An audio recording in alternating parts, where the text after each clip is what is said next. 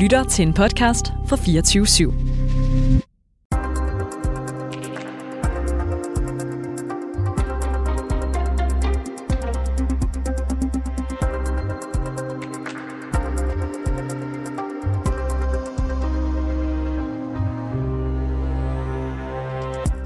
Dansk Folkepartis øh, lokalforening i Tisted, den opløser sig nu også, og det øh, sætter vi selvfølgelig fokus på her øh, til morgen. Senere på morgenen, der taler vi med Nina Krog. Hun er tidligere lokalformand i Dansk Folkeparti i Tisted, og der er jo kun et spørgsmål, der er rigtig relevant at stille de her lokalpatriotiske DF'ere i de her dage, og det er jo, om Dansk Folkeparti er ved at brænde lokummet ned, ikke? Mm. Vi skal også øh, snakke lidt om den øh, Rwanda-aftale, som øh, britterne jo er i gang med at øh, få stablet på benene, fordi der var en dramatisk udvikling sent i øh, aftes, øh, Alexander. Øh, der var en masse asylansøgere sådan set på vej øh, i et fly på vej til øh, Rwanda, og lige pludselig så blev øh, flyet altså stoppet. Mere om det om, øh, om cirka en, øh, en 40 minutters penge. Ikke? Nu ved jeg ikke øh, helt præcist, øh, hvordan dit uddannelsesforløb har set ud gennem tiden, Cecilie, men er du nogensinde blevet Meget mødt flot. med øh, Mohammed-tegningerne under din uddannelse?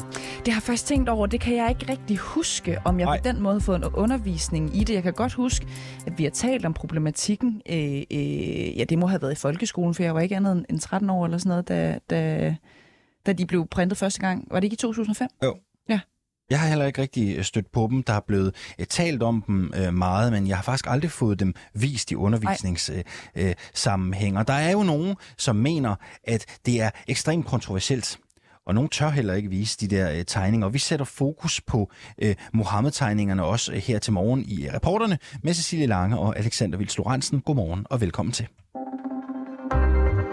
Ja, fordi Mohammed-krisens øh, følger spøde, øh, spøger undskyld, stadig og fører til selvcensur, trusler og utrygge gymnasielærer. Det mener Maja Tangsgaard. Hun er gymnasielærer og underviser i religion og historie i øh, Storkøbenhavn. Hun har censureret sin egen undervisning i perioder, og så har hun også mærket utrygheden og trusler på egen krop.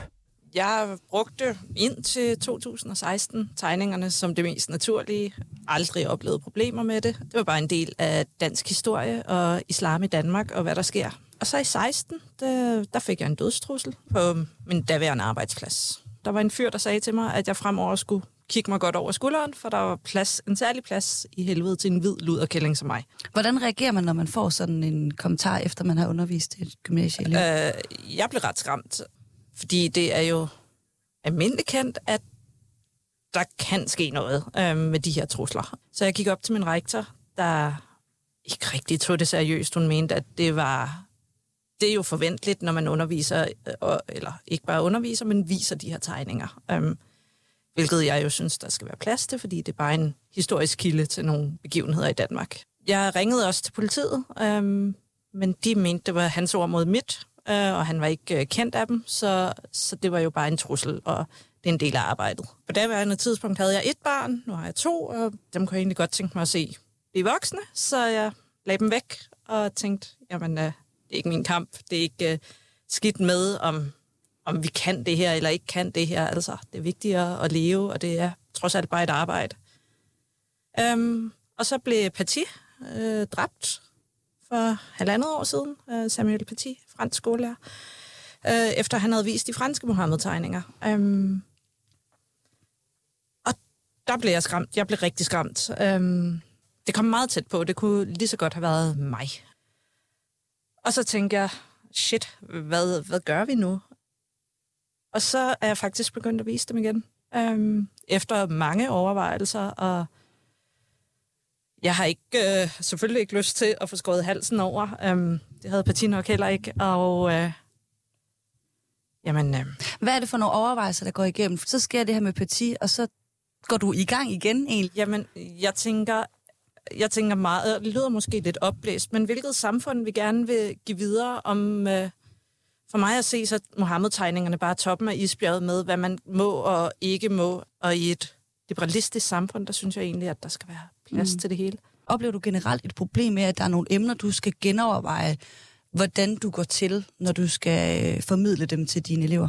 Øhm, altså, det er jo en analyse, man laver hver gang, man har en ny klasse, hvordan man øh, bedst formidler et emne til dem. Og, og nogle klasser har man jo et løst og let forhold til andre klasser, der arbejder man er forholdene måske lidt øh, svære. Øh, så det er jo altid en overvejelse om, hvordan man skal formidle et emne.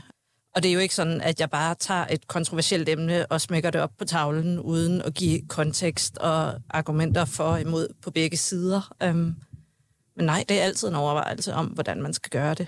Nu, nu bruger du så tegningerne igen. Ja. Er det, når du snakker med ledelsen om, hvad der ligger i overvejelser i den måde at, at undervise på? Øhm, jeg er fuldstændig sikker på, at jeg har min ledelsesopbakning til det her. Øhm, fuldstændig. Øh, den skole, jeg er på nu, gør meget ud af, at de øh, bygger på oplysningsidealerne øh, fra, fra slutningen af 1700-tallet. Så, så det her med at kunne sige, hvad man vil, og gøre, hvad man vil, det ligger på sine.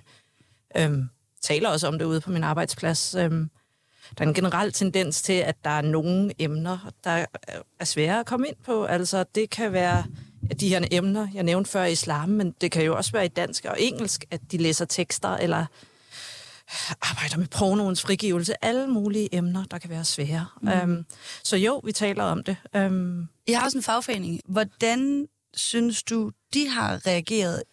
tja, jeg synes lidt, de har spillet for lidt, egentlig. Vi er en større gruppe lærere, der har efterspurgt øhm, at få lavet en undersøgelse af, hvorvidt det her er et problem eller ej. Ikke kun Mohammed-tegninger, men selvcensur generelt i undervisningen.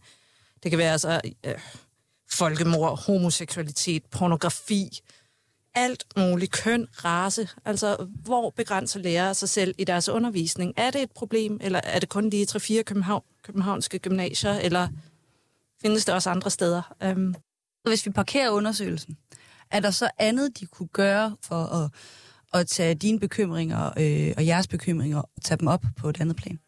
Jeg synes, at det er... Jeg ved jo ikke, hvad der bliver talt om på bestyrelsesmøderne, desværre. Øhm, men det kunne da være fedt, hvis det blev diskuteret, og det var noget, man kunne tale åbent om, at det ikke er det her tabu om, hvorvidt man bruger tegningerne eller ej, eller øh, censurerer sig selv. At, øh, Sammen med øh, otte andre undervisere, der skrev du øh, sidste år øh, det her debatindlæg i jeres øh, kan man sige, fagblad øh, Ja. Gymnasieskolen, hvor I satte fokus på emnet, og I også efterspurgte den her bredere undersøgelse, ja. som du talte om. Øhm, og den undersøgelse, den har de så første gang valgt at afvise hovedbestyrelsen. Øhm, hvorfor... ni måneder efter. Ja, ni måneder efter. Kan du prøve at sætte nogle ord på, hvorfor at du synes, det er så vigtigt med den undersøgelse? Hvad er det, den undersøgelse vil kunne give dig?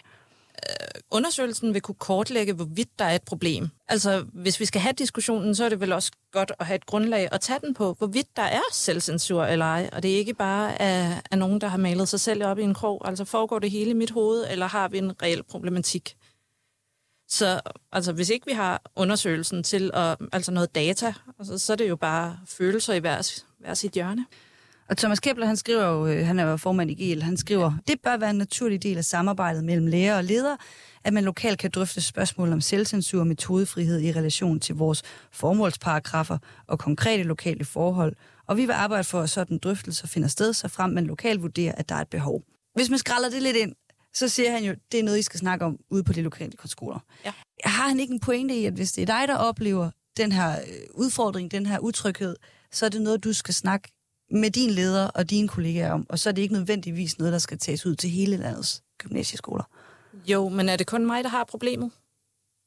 Altså, det er ikke kun mig. Jeg har beskeder fra mennesker rundt omkring i landet, øhm, der oplever det samme. Så det er ikke kun mit problem. Øhm, det er et problem, der er i hele strukturen. Øhm, så jo, jeg kan, og jeg kan sagtens tale med min ledelse om det, og min ledelse tager sig godt af det. Men det er jo et generelt problem, der, der findes lige nu, at lærere på tværs af fag og på tværs af landet, altså, altså censurere nogle emner væk. Når I på det her debatindlæg får øh, et afslag, hvordan får det dig til at føle i forhold til, om øh, altså kan man sige, fagforeningen i virkeligheden bakker op om dig og de holdninger og de ideologier, øh, du kæmper for? Jeg synes, der er gået altså Christiansborg-politik i det, at, min fagforening ikke siger, okay, der er faktisk nogle mennesker, nogle lærere, som vi repræsenterer, der efterspørger noget, og de oplever alle sammen det her problem. Lad os støtte dem, lad os se, om der rent faktisk er noget, i stedet for, at vi bliver affadet ni måneder efter. Altså, Føler du dig støttet? absolut ikke. Føler du dig affaret? Ja, det gør jeg. Føler, at øh, jeg og vi andre ikke bliver taget seriøst. Sådan sagde Maja øh, Tangsgaard altså til vores reporter Isa Samuelsen, som sidder over på vores Aarhus-redaktion. Øh, øhm, Maja Tangsgaard øh, underviser i dag på øh, HF-centret Efterslægten i København øh, Nordvest, og det var altså ikke på det gymnasium, at hun øh, modtog en trussel tilbage i 2016. Og hvis vi bare lige skal tage øh, baggrunden øh, med, så er det jo som øh, bekendt, at Jyllandsposten øh, bragte de her famøse Mohammed-tegninger tilbage i 2005, og det førte altså til en diplomatisk øh, krise af format mellem øh, Danmark og flere arabiske lande, og også, øh, ja, der var faktisk også handelsboykot. Alexander, jeg ved ikke, om du kan huske øh, danske jo. varer, hjemkaldelse ja. af ambassadører, overfald på øh, Arla-ansatte, afbrænding af Dannebro øh, og, og, og de danske ambassader i øh, både Damaskus og, og i Beirut. Og delegationer, der også rejste til Mellemøsten, ikke for at vise de her tegninger frem med Ahmed Akkari, var jo en af dem, øh, man måske tydeligst kan huske. Øh. Altså en, en, en, hvad skal man sige, udenrigspolitisk krise af ja. formater dengang, ikke?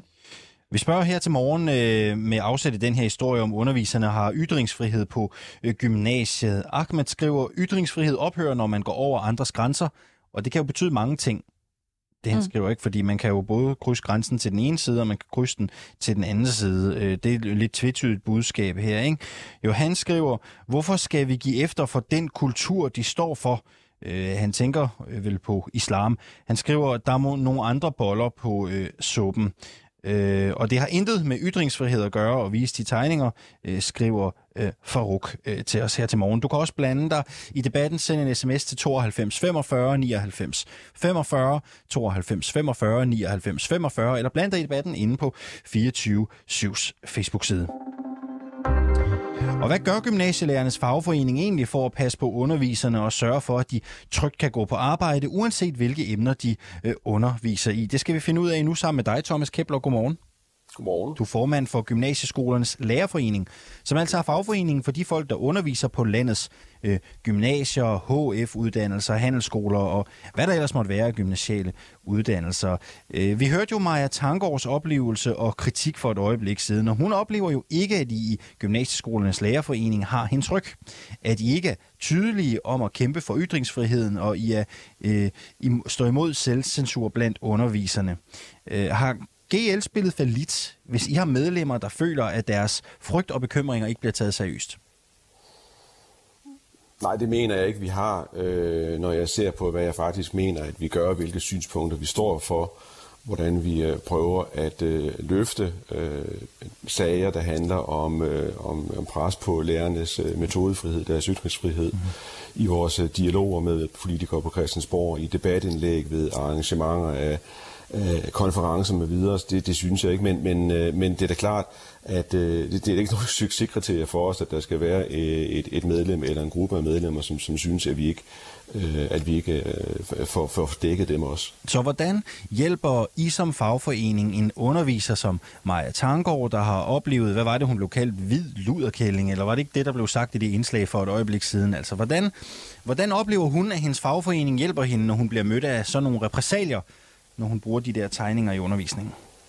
Men først og fremmest så skulle Maja meget gerne opleve, at øh, hun har et, øh, et, et øh, lærerfællesskab omkring sig, hvor at, øh, langt de fleste lærere nok også vil være G, eller hun har en tillidsrepræsentant, hun kan gå til, øh, som kan hjælpe hende med at øh, løfte sagen over for ledelsen, hvis at øh, ledelsen øh, ikke er interesseret i at øh, gå ind i sagen, altså således at hun oplever ude på skolen, hvor at sagerne opstår, at, øh, at hun ikke står alene, Øh, det er der, hun først og fremmest øh, har muligheden for at opleve øh, GL's øh, støtte. Det er, jo ikke, det er jo ikke henvendelser, som, øh, som vi får ind. Meget bekendt, øh, jeg, jeg ved det ikke, øh, hvis, det, hvis det er en sag, der er tilgået vores øh, sekretariat. Mm. Øh, men, men typisk så er det jo noget, som folk de vil søge at løse lokalt. Og så må jeg sige først og fremmest, øh, at blive, øh, blive udsat for sådan nogle, øh, øh nogle, øh, nogle, nogle verbale overgreb, som jeg kan forstå, det drejer sig om, det er fuldstændig uacceptabelt. Kan du ikke prøve at fortælle mig, øh, hvis nu man henvender sig, som Maja øh, kunne have gjort i det her tilfælde, til jer, hvad, hvad gør I så? Ikke? Altså hvis man ikke føler, at man bliver hørt på den skole, man arbejder, hvis man gerne vil have sin fagforening til at gå ind i den sag, hvad gør I så? Jamen, så vil vi først og fremmest øh, også øh, altså, at lægge den i vores øh, bank af eksempler, som vi så vil bygge en, øh, bygge en, øh, en henvendelse eventuelt til Christiansborg-politikere op over og sige, at øh, vi opfatter efterhånden, at der er øh, så mange, der henvender sig med et problem, at det er noget, vi må se på. Det Men hvad gør I med den enkelte? Hvad gør I for at hjælpe den enkelte, der henvender sig her nu? For man kan jo ikke vente på en eller anden lobbyindsats om to-tre måneder på Christiansborg. Nej, det er du nemlig ret i. Og det er der, hvor jeg siger, der er GL jo, altså der skal man forstå GL også som den decentrale organisation. Der har vi altså en øh, lokal tillidsrepræsentant, som er GL lokalt øh, som, øh, som øh, vil hjælpe vores medlemmer med at løfte sagerne. Hvordan? Øh, der, der har vi ikke den samme adkomst til øh, at, øh, at gå til ledelsen, som den lokale tillidsrepræsentant Men, men hvad, har. hvad gør I så ude lokalt? Altså, hvad, hvad, hvad vil man så gøre? Det, det tænker jeg, det har du også en, en idé om, ikke derfra, hvor du sidder. Jo, men det vil jo ligge i en dialog mellem øh, tillidsrepræsentanten, lærerkollegiet og ledelsen. Er, føler man, at øh, oplever man, at man er blevet taget seriøst af ledelsen i sådan en sag? Har ledelsen reageret på en måde? Har man ordentlige ordensregler til stede, som øh, man kan handle ud fra, eller er det uklart, hvad der faktisk foregår? Øh, på et tidspunkt så er det måske også et spørgsmål om, hvis- at der taler om, øh, Gud forbyde det, nogle no, no, no seriøse overgreb, så er det jo ikke længere en GL-sag, må jeg også sige. Så bliver det jo måske til, hvad ved jeg, en politisag. Ved du, om I har repræsentanter, altså lokale GL-repræsentanter, der mener, at det er forkert at vise de der Mohammed-tegninger? Altså lokale repræsentanter, som får de her henvendelser, og som måske siger, at det skulle du heller ikke have gjort. Altså kender du til folk, der sidder ude på de danske gymnasier og, øhm, og er modstandere af at vise de der tegninger, og som måske ikke ønsker at, at gå ind i de her øh, dialoger? Hmm. Altså, hvis du mener med repræsentanter, mener du medlemmer, eller mener du Jeg mener jeres tillidsrepræsentanter? tillidsrepræsentanter, ikke jeres lokale repræsentanter ude på skolerne. Nej, det er ikke vidne om, at vi har tillidsrepræsentanter, der sådan skulle øh, øh, på den måde øh, forholde sig til, om, øh, om, om lærerne de, øh, de, øh, de udøver deres metodefrihed på den ene eller den anden mm. øh, måde. Det, man skal huske på, det er, at vores tillidsrepræsentanter jo også selv er lærere og er del af faggrupper, og det vi opfordrer rigtig meget til, det er, at man jo også i faggrupperne tager sådan nogle snakke omkring, jamen oplever vi her på stedet, at vi har en eller anden øh, udfordring, er der noget, som vi skal finde ud af at håndtere kollektivt, Øh, hvordan ser vi, at vi i det ene eller andet fag kan lave nogle, nogle fælles indsatser for at, øh, at øh, promovere øh, øh, et emne, som vi, som vi synes, det er svært at arbejde med? Vil vi lave nogle fælles fodslag på, hvor der også går nogle grænser i forhold til? Øh, er der noget, som, som vi synes, at her, her, her lægger vi en særlig didaktisk indsats? Ja, for jeg at, spørger øh, jo, for, for, jeg spørger jo bare, fordi kan, kan, altså, kan du afvise, at der er nogle af jeres repræsentanter derude, der simpelthen bare siger til undervisere, der bruger de her tegninger og møder repressalier, det skulle du heller ikke have gjort.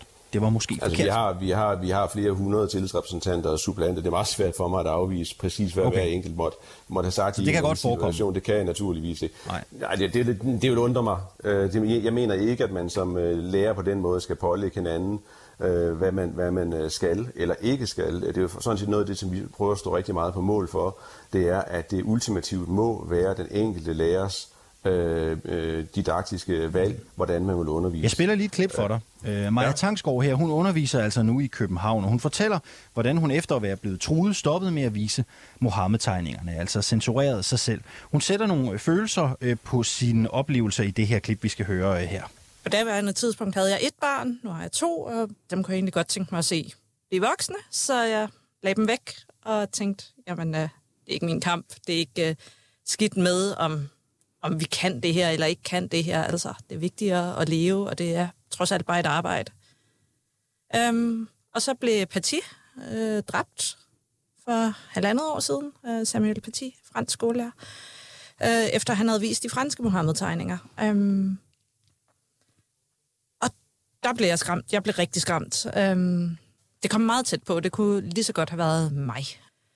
Ja, hvad synes du om det, du hører her, først og fremmest? Jamen, jeg synes, det er en lærer, der giver udtryk for en frygt, som en lærer ikke øh, bør gå med. Ja. Og den går hun jo så på arbejdet med, eller den har hun gået på arbejdet med. Øhm, hvad gør man konkret for at undgå, at det sker? Altså, at nogen skal gå på arbejdet og have det sådan, fordi øh, der kan jo godt, der kan kurser, samtaler, lobbyindsatser, det kan jo godt være svært øh, for at få den enkelte ud af døren om morgenen, ikke? Så hvad, hvad skal ja. Man gøre konkret?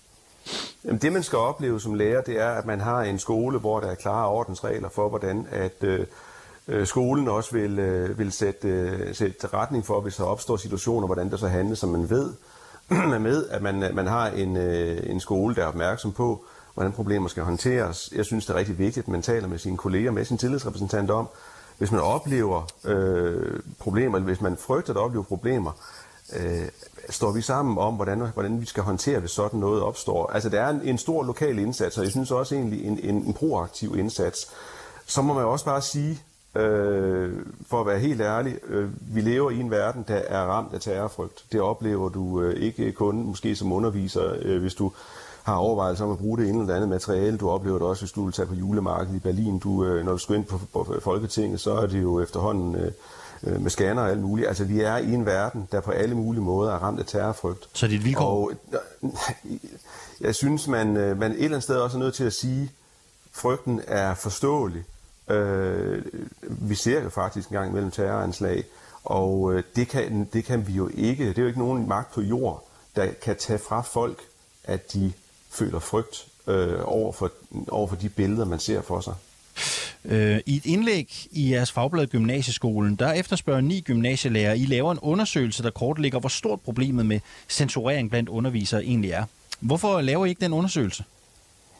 Det er fordi vores opfattelse er i forhold til øh, alle de problemstillinger, vi overhovedet øh, skal beskæftige os med, øh, og alle de sager, vi, vi, vi får ind, alle de indsatser, vi skal gøre, så er der ikke nogen tvivl om, at der er lærere, der oplever øh, at blive udfordret på deres øh, metodefrihed. Øh, og det pres, det kan komme flere forskellige steder fra. Det er ikke kun et spørgsmål om, at det kan komme fra elever, som er utilfredse med undervisningen, eller deres karakterer, eller hvad det kan være. Det kan også komme fra ledelse, det kan komme fra strukturelle øh, pres, det kan komme fra ressourcemangel. Der er mange ting, der kan presse lærernes metodefrihed, men, men den her, det aspekt, som, øh, som Maja taler om, øh, det er ikke en, øh, et problem, som vi ud fra det, vi får ind, at vi oplever som øh, et øh, bredt del af presserende problem i forhold til alt det andet, vi skal arbejde med. Og så er det også således, må jeg sige, at øh, vi, vi kan jo ikke operere på den måde, at, øh, at vi skal lave en medlemsundersøgelse på absolut alt, vi, vi skal beskæftige os med. Altså, der er faktisk rigtig mange sager, vi løfter, også uden at der foreligger en, en medlemsundersøgelse. Sådan, sådan arbejder vi, og sådan arbejder mange andre øh, organisationer, der, der baserer sig på det repræsentative demokrati. Thomas Kepler, du er selv kendt med i engelsk og historie. Ja. Vil du vise Mohammed-tegningerne i din historieundervisning, hvis du underviser? Det, det kommer an på, om jeg vil opfatte det som relevant i forhold til emnet. Det er nok det, der vil være min, min, min, min første overvejelse, om jeg beskæftiger mig med et emne, som, øh, som, øh, som jeg vil opfatte som relevant. Det er ikke noget, som jeg vil have en, øh, en, en, sådan en, en definitiv Men du kunne godt finde på at vise dem? For eller imod. Ja, jeg tror måske en gang i fordomstid, jeg har vist dem, da jeg, da jeg stadigvæk underviste. Jeg ved, jeg ved, der er, men altså, altså vi, vi ved, at vi har øh, medlemmer, som viser dem og oplever det som fuldstændig uproblematisk. Vi mm. ved, at vi har medlemmer, som øh, ikke viser dem, de opfatter det ikke som øh, relevant at vise dem i forhold til den måde, de ønsker at undervise på.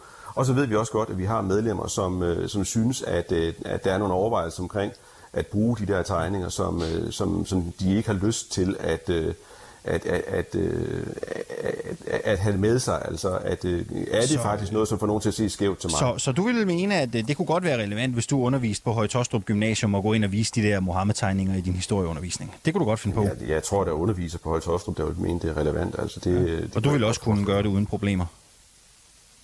det er jo det sjove, det er. Med, med, med, med, med sådan nogle emner, øh, kan nogen sige på 100% sikkerhed, at, at der aldrig bliver problemer. Øh, Nå, men det er bare, om du vil have det okay med at gå ind og vise dem. Det er jo bare ja eller nej. Jamen altså for mig personligt, så uden, at, øh, øh, uden at være i sådan de, de, de samme didaktiske overvejelser, hvad for det emne, jeg skulle skrue sammen, ja, det tror jeg nok. Det er godt. Thomas Kepler, formand for Gymnasieskolernes Lærerforening. Tak fordi du var med her til morgen. Ja, selv tak.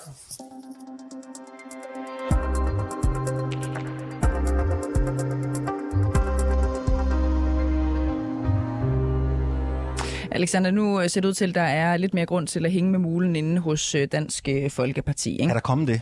Øh, til synlædende, til synlædende, ikke? Fordi øh, vi har snakket om det flere gange. Den ene efter den anden øh, lokalbestyrelse tager simpelthen øh, deres tø- gode øh, tøj og, og forlader øh, partiet. Det er sket i Herlev, det er sket i Jørgen, Næstved, Rebil, og nu er det også sket i Tisted. Der er simpelthen en decideret flugt fra øh, partiet. Øh, godmorgen, øh, Nina Røntved Krog. Godmorgen. Du er tidligere lokalformand for Dansk Folkeparti i Tisted. Øh, nå, så gik den ikke længere, var? Nej, Nej, det gjorde den ikke. Nej. Øh, hvorfor er du flygtet fra partiet, øh, Nina Røntved Krog? Jamen, det er jeg jo gjort, øh, fordi at den her interne uro, den bare bliver ved og ved og ved. Øh, ja, altså, det er jo ikke til at blive ved med at, at, at kunne stå og, og forsvare over for, øh, for medlemmer. Mm. Er det det der med, at man har en følelse af, at man skal forsvare nogle ting, som man dybest set ikke forstår? Ja. Mm. Hvordan det, har det været? Jamen, ja, jamen, det bryder jeg mig ikke om. Altså, jeg, øh, jeg er et ærligt menneske, som øh, fortæller, hvad jeg tror på, øh, hvad, hvad det er, jeg står for. Men, men pludselig, så, så vidste jeg ikke øh, efterhånden, hvad, hvad, hvad er det, der foregår derinde med, med alt det personfnider. Mm. Øh, og vi får ikke nogen svar øh, derinde fra, øh, hvad sker der? Hvad var det, der fik bæret til at flyde over for dig? Altså nu nævner du personfnider, de ting, der, der foregår inde på Christiansborg. Hvad, hvad var det, der fik bæret til at flyde over? Altså, det er jo en længere overvejelse. Det, det har jo stået på i flere måneder. Øh, det er, det er bare, ikke om der var noget, et eller andet specifikt, hvor du tænkte, det her, det gider jeg simpelthen ikke være med til. Ja, altså, øh, dels så var der jo på valgaften, hvor, øh, hvor Morten og Pia offentligt går ud og, og udskammer øh, Christian Thulsen Dahl øh, igen, øh, for at han ikke øh, deltog på, på valgaften. Mm. Det synes jeg ikke, øh, altså det er ikke okay. Altså, Men det er voksne du... mennesker, det, det kan de godt tage internt. Mm. Men synes du egentlig ikke, det var lidt øh, mærkeligt, eller forstår du ikke godt, hvorfor, øh, hvorfor Morten Messersmith og Pia Kærsgaard synes, det var mærkeligt, at han ikke øh, øh, mødte op? Jo, det, det kan jeg da sagtens sætte mig ind i. Men, men jeg synes jo bare, at de er voksne mennesker, så, det burde de jo tage bag ved kameraet og ikke foran kameraet. Altså, Mm. Hvem øh, tror du egentlig, der sådan er øh, bannerfører for, for, for ligesom at skabe de der problemer i partiet? Nu nævner du øh, Morten Messersmith og Pia Kærsgaard. Øh, Ja. er, er det dem? det er i hvert fald Pia Kærsgaard. Altså, det, det, det, det er jeg nok nødt til at sige. Øh, altså, hun står jo bagved og, og trækker i trådene, er- min helt klare fornemmelse. Mm. Og den der fornemmelse, det synes jeg bare, det er jo ikke første gang, man har hørt den vel, at det er hende, der Nej. står ligesom i, øh, i, i kulissen og, og trækker i, i trådene. Hvor- Hvordan, hvordan ved du egentlig det? Jamen, øh, vi ved jo godt, at hun godt øh, kan være lidt ild, og, og det er også øh, helt okay. Når, øh, mm, men vi kan jo høre, at hun render op og ned af gangene derinde og råber og skriger efter ansatte, og altså, jeg synes bare ikke, det er, jeg synes bare ikke, det er værdigt. Okay. Øhm, jeg snakkede med Pia Kærsgaard her den anden dag, og hun sagde også, hun synes, der er lidt en tendens til, at øh, folk de bare smutter, når det bliver svært. Ja. Øhm, er du ikke måske lidt en, en del af den problematik i dansk politik? Altså det der med, lige så snart der er modgang, og det bliver lidt svært, jamen så smutter folk. Altså, det synes jeg ikke. Altså, jeg har kæmpet bravt at være lojal øh, i de seks år, jeg har stået som formand. Øh, altså, og man kan selvfølgelig sige, at øh, jamen, nu har Morten jo så kun været øh, formand i, i knap et halvt år, ikke? Men det kan jo ikke passe, at han har haft så travlt, at han ikke har kunne sætte sig ned i løbet af et halvt år og skrive en mail til os, eller tage en telefon lige og ringe og sige, øh, hey, vi arbejder lige på det og det, og øh, ja, vi har lige travlt med, nu gør vi lige sådan. Øh, altså, det kan jo ikke passe. Du har slet ikke fået en, en mail eller et opkald eller noget som helst fra, fra Morten Messersmith i, i seks måneder? Intet. Jo, Nej. i, øh, jo det, øh, efter jeg sendte klagebrev ind i øh, her i sidste uge. Hvad var det for en klagebrev? Øh, ja, det var jo så også noget, noget fnider. Nå, hvad var, hvad var var- det for noget? der For var- noget? Ja, men det var en hændelse, der skete på Hjallerup Marked, og øh, ja, Hvad var det for en øh, synes, at- hændelse på, på Hjallerup Marked? Ja, men det var jo en, øh, en anden en folketingskandidat, der stod og rakkede ned på andre folketingskandidater og opførte sig ikke så pænt. Mm. Øh, Hvad var det, vælge der... Morten som formand, og der var jeg simpelthen, øh, så, så skrev, der skrev jeg simpelthen ind. Først så ringede jeg derind og skældte ud. Øh, Mm. Og så skrev jeg en mail derind. Øh, og det, det svar, jeg fik tilbage, det var, jamen det tager vi godt nok meget alvorligt. Og så skete der ikke mere. Hvem var det, der, der øh, talte øh, grimt om og rakket ned på et andet folketingsmedlem? Jamen altså, det, det synes jeg, det, det, øh, det, har vi, øh, det har vi været omkring øh, flere gange, og nu har han beklaget, at, øh, at det har han gjort. Øh, og så synes jeg ikke, øh, at vi skal grave mere i det. Mm. Var det fordi, var han bare i dårligt humør, eller var det, fordi han har fået lidt at drikke, eller hvad er din fornemmelse? Ej, det er ikke, fordi han har fået noget at drikke. Okay. Altså, det, for det, nej, nej, nej. Okay. Men altså, hvad skal der ske nu, øh, Nina Røntved Krog? Øh, for mig skal der ske det, at, øh, at jeg bare skal have det, tage det stille og roligt nu. Øh, jeg skal lige have fundet mine ben og have fundet ud af, at, øh, at jeg skal ikke... Øh, jeg skal ikke arbejde så mange timer mere. Nej. Kender. Så øh, ja, så det kommer til mine, mine børnebørn til gode i stedet for. Hvad med Inger Støjberg? Gider du godt arbejde for hende på et tidspunkt? Jamen, det kan jeg ikke vide. Nej. Men er du fristet? Altså, øh, altså, man må jo sige, lige nu er alting jo gidsninger. Man øh, ved ikke, om, om hun laver et parti. Øh, og hvis hun gør, hvad er det så, det, hvad er det, så, det indeholder? Mm. Altså, det vil sige, øh, det er jo ikke politikken i Dansk Folkeparti, jeg er utilfreds med. Altså, der, det er jo stadigvæk der, mit hjerte er. Her til sidst, øh, Nina Krog. Hvad er det, der er Ja. sket med Morten Marinus op på Hjallerup Marked? Ved du det? ja, det ved jeg godt. Lad os lige høre, hvad er der sket? Øh, altså, det, det, vil jeg ikke, øh, det, det vil jeg ikke trampe mere i. Bare lidt. Det er lige meget, du har meldt dig ud jo. Ja, men det er fuldstændig rigtigt, men derfor kan jeg også godt være ordentlig. Er det pinligt? Nej, det synes jeg ikke, det er. Okay. Ja, vi må ringe til ham selv så jo. Ja, det, det synes jeg. Ja, Det var Alright. en god idé. Nina Krog. Tak fordi du ville være med her øh, til morgen. Ja, velbekomme. Så tidligere lokalformand i Dansk Folkeparti øh, Tisted. Jeg synes sgu, det er så hyggeligt, altså nogle gange at tale med, øh, med de forskellige, øh, ja nu er det så tidligere lokalformænd rundt omkring i, øh, i Danmark for Dansk Folkeparti. Der bliver flere af de forhenværende i hvert Jo, fald. det gør der. Det gør der bestemt. Ja. Mm. Tirsdag aften, der meldte også øh, Liselotte Lønge, byrådsmedlem i DF, øh, øh, for DF, undskyld, i Vest til Himmerland. Hun meldte sig også ud af partiet. En stor kontanthjælpsaftale mellem regeringen og støttepartierne, Alternativet og Kristendemokraterne landede tirsdag. En central del af aftalen det er, at kontanthjælpet afskaffes og erstattes af en såkaldt indkomsttrappe. Øh, den her indkomsttrappe betyder, at kontanthjælpsmodtagere kan tjene op til 5.000 kroner, uden at det påvirker deres øh, kontanthjælp. Tjener de mere, så bliver noget af kontanthjælpen inddraget. Det skal altså gøre det mere interessant at få et arbejde. Og i den nye aftale bliver der også lagt op til, at forældre kan få tilskud til børns fritidsaktiviteter og gratis medicin til deres børn, hvis de er på kontanthjælp. Desuden så kan man også have en større formue og være på kontanthjælp samtidig fremover. Øh, Henrik Møller, øh, godmorgen og velkommen til dig. Godmorgen og tak for det. Du er beskæftigelsesordfører for Socialdemokratiet. Det er korrekt. Hvorfor skal kontanthjælpsmodtagere have flere penge mellem hænderne? Ja, altså vi, vi har jo haft et system, hvor vi kan se, at der er rigtig mange børn, som har levet øh, under en, øh, en, en, en grænse rent øh, indtægtsmæssigt. Og der løfter vi omkring øh, 10.000 øh, børn over øh, en, en minimumsindkomst. Så det er egentlig børnene, vi meget har taget udgangspunkt i, at vi synes, at de her børn ikke skal vokse op i, i, øh, i meget dårlige økonomiske kår. Det er sådan set det, vi prøver at løfte med Ja. den her aftale. Og derfor så hæver I også øh, muligheden for at have en formue fra 10.000 til 12.000 for enlige og fra 20.000 til 24.000 for ægtepar. Der bliver også indført et indkomstfradrag på enten 2.500 eller 5.000, alt efter hvad man får i ydelse. Så det skal være bedre at være på kontanthjælp i Danmark.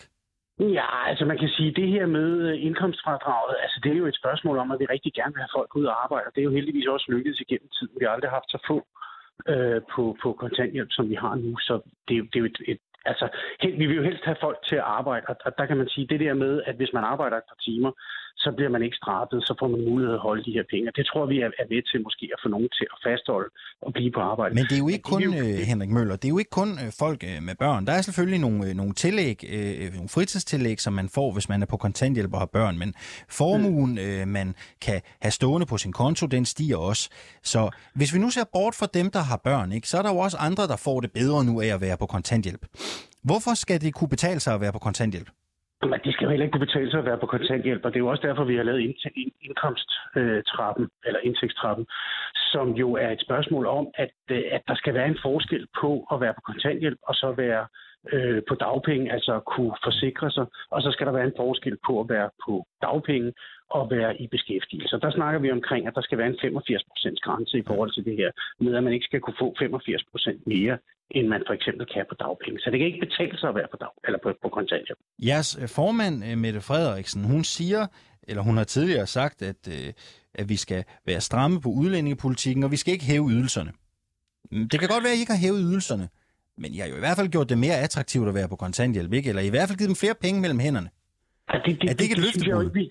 Nej, det synes jeg jo ikke. Altså, vi har jo ikke, vi har jo ikke rørt, kan man sige, ved udlændingepolitikken. Det, det bliver der jo ikke rørt ved i forbindelse med, med et ydelsessystem, som er her. Det vi jo gjorde, da regeringen blev dannet, det var at lave et forståelsespapir, hvor man gav en, øh, en midlertidig ydelse på. Der er der, nogle, øh, der er der nogle arbejdsløse udlændinge med børn eventuelt, ikke, som får flere penge mellem hænderne nu.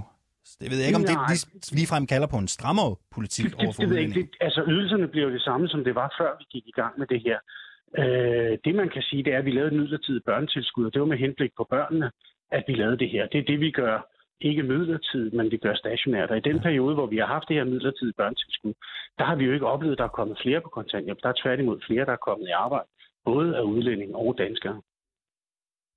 Men lad os nu sige, at man er på kontanthjælp, ikke? og ja. man har børn, og man har lidt penge stående på sin konto. Ja. Får man flere penge mellem hænderne, eller færre penge mellem hænderne med den nye aftale? Jamen altså, det bliver jo det samme, som det er i dag. Det man kan sige, det er, at man kan have op til 12.000 stående på en konto, før man skal begynde at bruge øh, af de her penge. Før vi, lad, os lige prøve, lad os lige prøve en gang til. Altså, ja. hvis man er på kontanthjælp, og man har børn, ja. og man også har lidt penge på kistebunden, lad os ja. sige, at man har 11.000 kroner stående. Ja. Får man så flere penge mellem hænderne, eller færre penge mellem hænderne med den nye aftale? Jamen, altså, der, i, i aftalen er der lavet en enighed om, at der er ikke nogen, der kommer til at gå ned i ydelser. Der kommer en meget, meget marginal fremgang, som primært er øh, børnenes øh, fritidstilskud, som, som, som ligger i det her. Så man får flere penge mellem hænderne? Jamen, det er jo de samme ydelser, som, som er i dag, der ja, ligger men, i det. Men, de ja, ja, men det er ikke de ydelser der. Det er Nej, de tilskud. Det, det, får man flere det, eller færre penge det, mellem hænderne? Det, det, er jo, det er jo til børnene, at man får det her. Jamen, de her penge får man jo ikke mellem hænderne. Det er jo tilskud, man får, som børnene skal bruge i forhold til deres fritidsaktiviteter. Men det er da også penge? Ja, men de bliver jo først udbetalt, når de er brugt. Men, men jo stadig penge, man får ja, ja. til brug. Jamen, det, det, det er jo rigtigt. Det er jo, det er jo fordi, vi har kunne se, at der er nogle børn, der i forhold til det tidligere system ikke har haft mulighed for at kunne deltage Øh, enten i kulturelle eller fritidsaktiviteter. Det gør vi noget ved. Det er jeg sådan set glad for. Du siger i det her interview jo så, at, man, at der vil være en marginal fremgang. Det er det ord, du bruger. Øh, man sætter ikke ydelserne ned, og der vil være en marginal fremgang i form af, af, øh, af, af, af tillæg. Øh, med det en mente, mener du så, at folk er mere eller mindre tilbøjelige til at komme i arbejde, hvis man giver dem flere penge mellem hænderne ved at sidde derhjemme i sofaen? Ja, men altså, nu skal vi jo også snakke om, hvad er det for nogle ydelser, vi giver. Altså, det lyder som om, det er guld og grønne skove. Det her, det er jo nogle folk, der har ligget under et, et, et, en indtægtsgrænse, som, som, vi, øh, som vi løfter op. Det kan jeg sådan set ikke se nogen problemer i. Som jeg siger, så har vi, da vi er, mens vi har haft det her midlertidige børnetilskud, hvor der var givet et, et yderligere tilskud, der har vi sådan set oplevet, at, at, at der er kommet flere i beskæftigelse. Så jeg, jeg køber ikke den her med, at nu er der flere, der, der lige pludselig vil vælge kontanthjælp frem for at være i arbejde. I det her ligger der jo også op til, at der faktisk i arbejdsudbuddet er 300 mere, som ja. vil komme i beskæftigelse. Det er simpelthen på grund af det her fradrag. Så den socialdemokratiske tankegang er, at hvis man giver folk lidt mere mellem hænderne, Ej, så, vil altså, de så, så, ikke, så, så vil de ikke være tilbøjelige til at, at, at blive hjemme. Nej, Nej, altså det er jo derfor, vi har sagt, at man kan jo ikke få ubegrænset ydelse. Der skal stadigvæk være nogle niveauforskelle på, om du er på kontanthjælp, om du er på dagpenge, eller om du er i beskæftigelse. Og, og derfor er der jo også, kan man sige, nogle begrænsninger på, at du ikke kan få ubegrænsede ydelser. Det er sådan så, at det er et niveau, der ligger under, hvis du er på dagpenge, eller hvis du er i beskæftigelse. Så det er ikke en filosofi, vi som, som, som sådan hylder. Mm. Det, det var lidt svært at få det til at sige, at, øh, at der ville være en marginal fremgang i, i sådan midler mellem hænderne. Synes du, det er, synes du, det er lidt irriterende, at vi stiller de her spørgsmål? Altså, synes du, vi har misforstået det? Er der noget, vi ikke fanger her? Nej, det synes jeg ikke. Det synes jeg ikke. Altså, vi har jo, vi har jo efter valget blevet nedsat vi jo en ydelseskommission, der skulle kigge på og se, kan vi gøre det her lidt mere enkelt i forhold til det. Det synes jeg, vi gør ved, at der ikke er øh, det her kontanthjælpsloft, som vi kendte før, med rigtig mange forskellige begrænsninger og ydelser, hvor det var svært at gennemskue. Jeg tror, det bliver lidt nemmere øh, nu her. Så har vi taget udgangspunkt i at sige, at der har været nogle børn, der tidligere i det her system har haft det svært. Det prøver vi at gøre noget ja. ved. Det er jeg sådan set meget godt tilfreds Det er jo også meget, altså på en eller anden måde, det er jo, øh, jeg skal nok sige farvel til dig om lidt, så dribler vi videre, men det er jo, det er jo smart det der, Mette Frederiksen har jo sagt, at man ikke vil hæve ydelserne. Det gør mm. man så heller ikke. Man giver bare nogle tilskud i stedet for. Så kan man jo sige, at man ikke har hævet ydelserne. Ja, men det er jo det, vi målretter det til børnene, og det har jeg det sådan set godt nok med. Prøv at høre, uh, Henrik. Uh, tusind tak skal du have, fordi du var med. Henrik Møller, altså ja, beskæftigelsesordfører for uh, Socialdemokratiet, det danske arbejderparti, der altså nu vil give folk, der ikke arbejder, uh, flere penge mellem hænderne.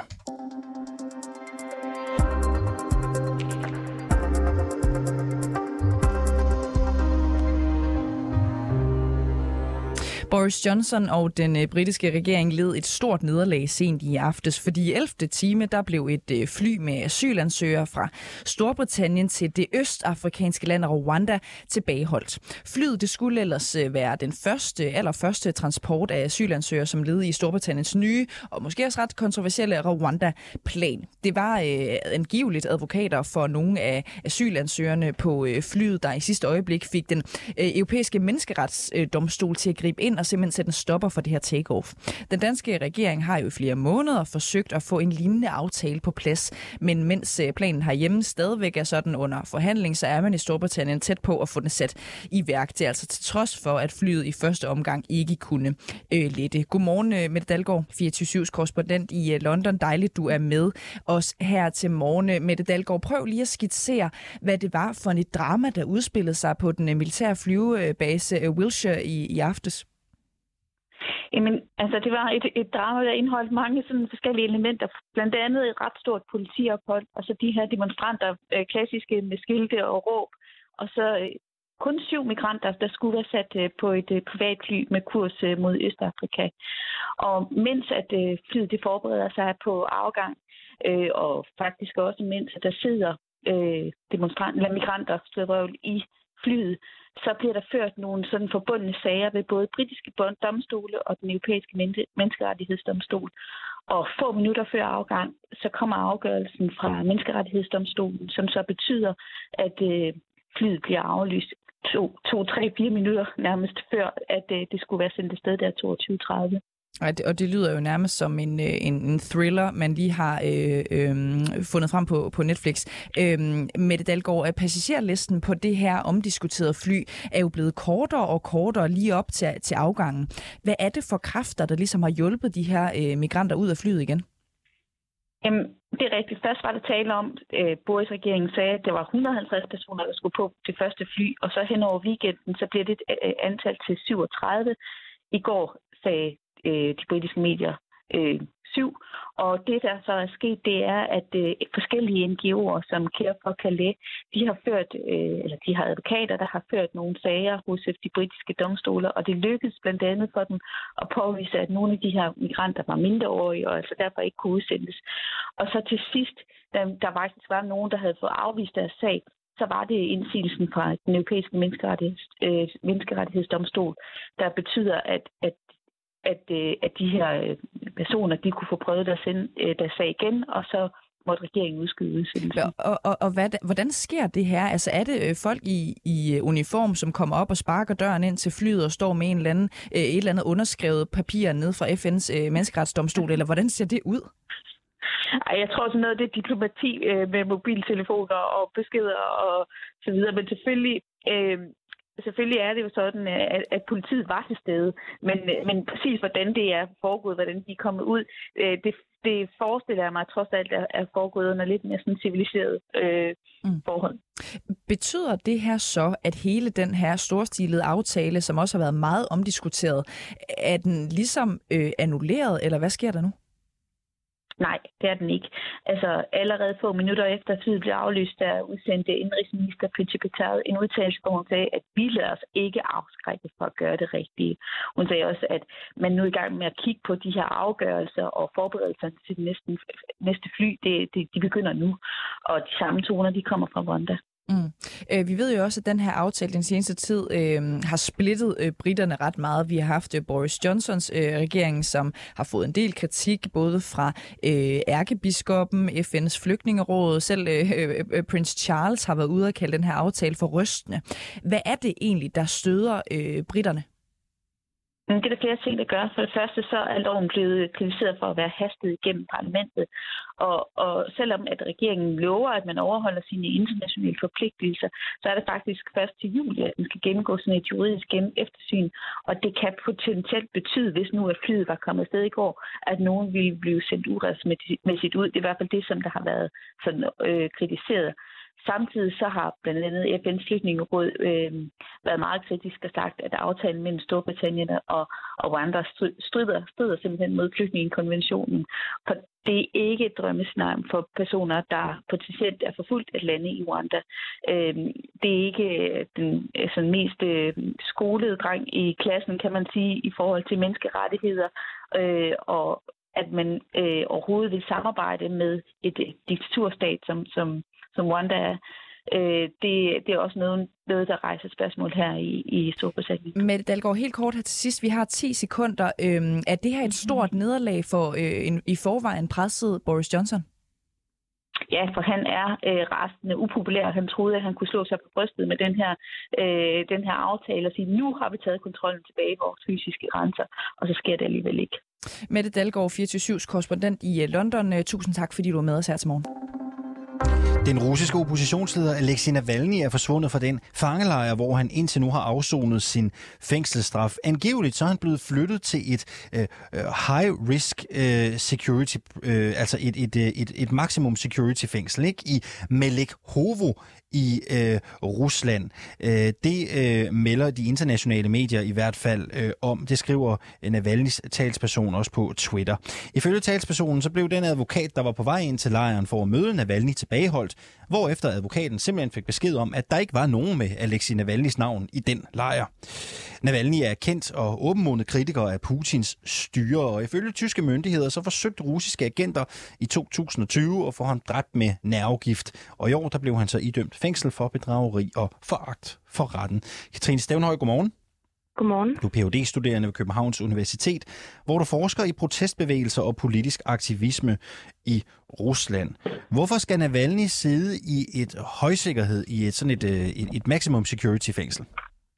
Altså det er et udtryk for, at øh, man ønsker at give ham en hård straf og dermed afskrække andre fra at øh, deltage i øh, politisk aktivisme eller den politiske opposition.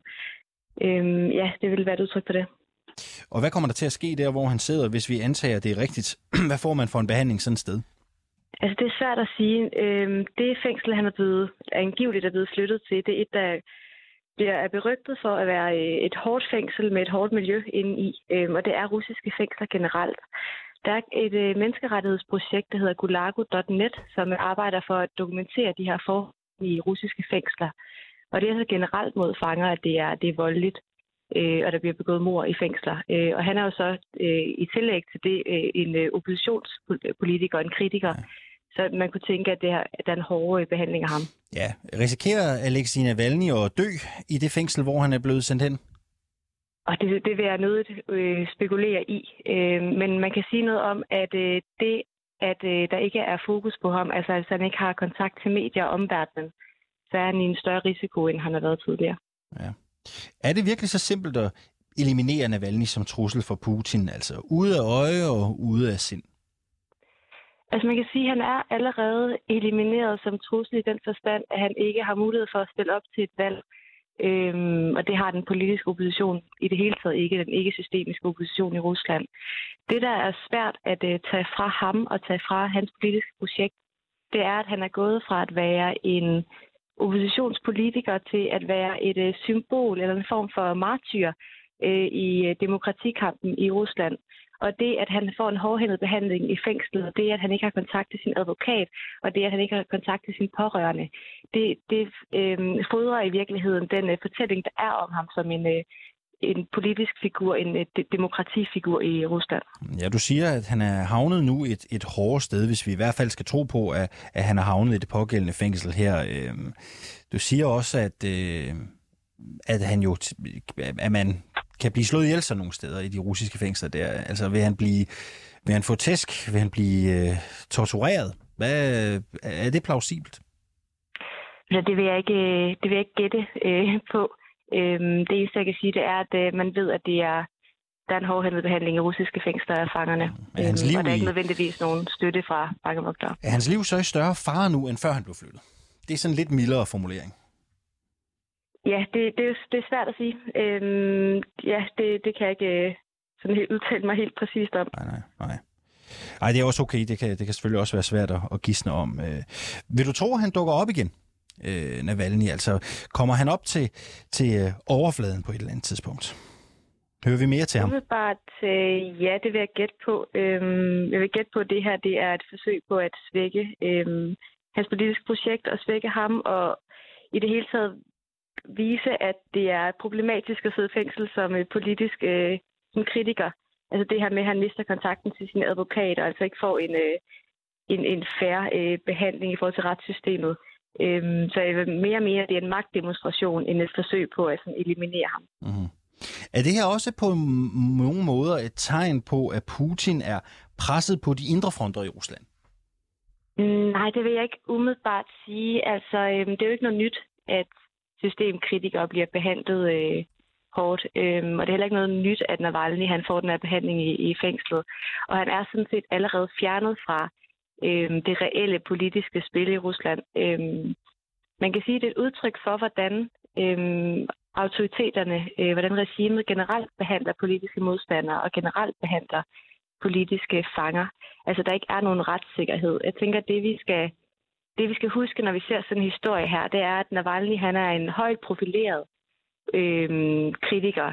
Øh, han er ikke ligesom de mange andre demonstranter, de mange andre øh, politiske fanger, der sidder i Rusland. Øhm, så vi skal huske på, at når vi ser sådan en figur her, så bag ved ham er der en, øh, en lang række af andre unfair rettergange og en række af, af unfair øhm, fængslinger af politiske kritikere, som vi ikke hører om, fordi de ikke er lige så højt profileret, som han er. Nu er han blevet forflyttet til et øh, topsikret fængsel. Øhm, kommer han nogensinde ud igen, tror du? Altså, hvad, hvad skal man gøre sig af forhåbninger på hans vegne? Altså lige nu sidder han med den dom øh, på ni år, øh, og der er en, en generel forståelse af i øh, hans politiske bagland og i omverdenen generelt, at det er en unfair dom, han har fået, og altså ikke på baggrund af re- en reel forbrydelse.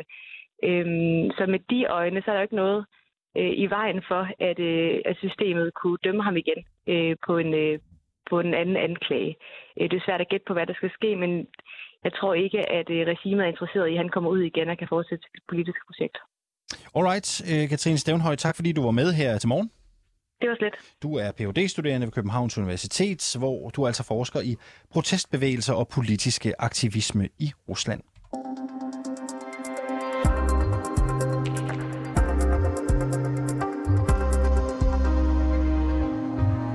Cecilie, vi spørger her til morgen, om øh, der er ytringsfrihed på de danske uddannelsesinstitutioner. Vi har øh, her til morgen en case gymnasielærer Maja Tangsgaard, som altså er blevet truet for at bruge Mohammed-tegningerne i sin undervisning. Øh, og hun har i perioder helt udladt dem, fordi hun følte sig utryg. Mm. Derfor så spørger vi, om undervisere på gymnasiet har ytringsfrihed. Vi hørte jo også Thomas Kepler, som er repræsentant for Gymnasielærernes Lærerforening, sige, at vi kommer ikke til at lave en undersøgelse om, øh, hvorvidt det er et problem med selvcensur på gymnasierne, fordi de ikke mener, det er et øh, stort nok øh, problem. Vi har spurgt på øh, Facebook, du kan stadig nå at blande dig i øh, debatten. Christian skriver til os, ytringsfriheden er der, hvis vi som samfund ønsker den og vil forsvare den, ellers så er der kun censur og mere censur øh, herfra. Christoffer skriver, jeg bruger Mohammed-tegningerne i min undervisning. Øh, det går ganske vist ud over kvaliteten af matematiktimerne, men hvad gør man ikke for ytringsfriheden?